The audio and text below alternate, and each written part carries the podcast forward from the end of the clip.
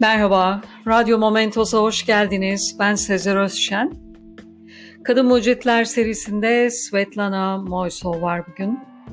Ve bugünkü kadın mucidimiz diyabet ve obezite ilaçlarının geliştirilmesinde öncü bir kadın bilim insanı.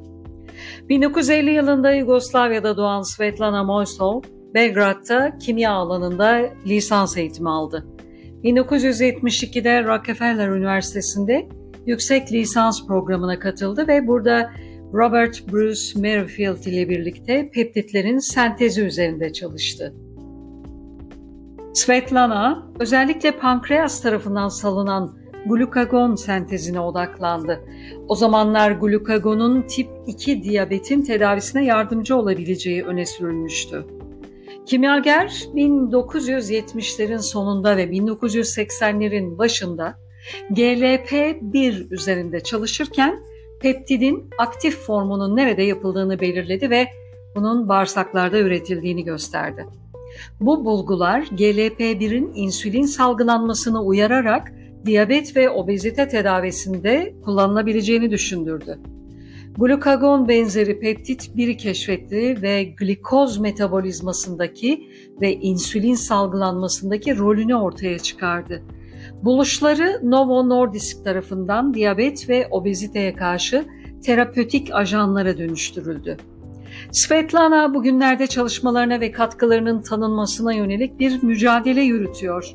Çalışmalarını tanımayan diğer üç bilim insanınınkinden daha az önemli olmadığını savunuyor ve GLP-1 üzerine yapılan araştırmalarda rolünün daha doğru bir şekilde anlatılmasını istiyor. Zira bu durum onun kariyerini de etkiliyor. Kendi laboratuvarını kurmasına ve önemli bir fon elde etmesine engel oluyor.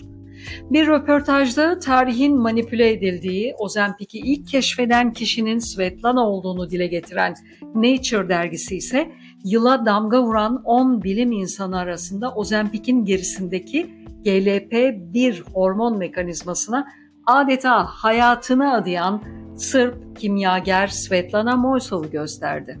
Sıradan bir diyabet ilacı iken obezite riskine karşı çok etkin bir silah olduğu anlaşılan ardından kalp sağlığı ve alkolizm gibi sorunlarda bile çözüm olabileceği ortaya atılarak üreticisi Novo Nordisk'i Avrupa'nın en değerli şirketi haline getiren Ozempic 2023'e kesinlikle damgasını vuran ilaç oldu. Nitekim Science dergisi Ozempic'i 2023'ün en önemli bilimsel gelişmesi olarak kapak yaptı. Halen Amerika'da Rockefeller Üniversitesi'nde görev yapan kimyager, Ozempic'in gerisindeki hormon olan GLP-1 ile ilgili ilk çalışmalara öncülük eden isim.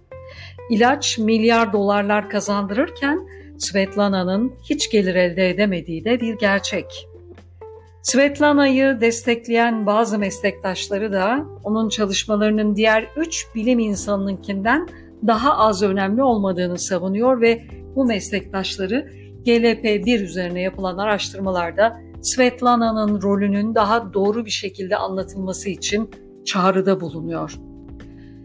Svetlana'nın hikayesi bilimsel toplulukta övgünün ve başarının nasıl dağıtıldığını ve ödül kararlarının nasıl alındığı gibi önemli konuları gündeme getiriyor maalesef her zaman olduğu gibi. Hiç değilse bizler sosyal medyada onun tanıtımını gönüllü olarak yapabiliriz diye düşündüm. Dinlediğiniz için teşekkürler. Hoşça kalın. Radyo Momentos'ta kalın.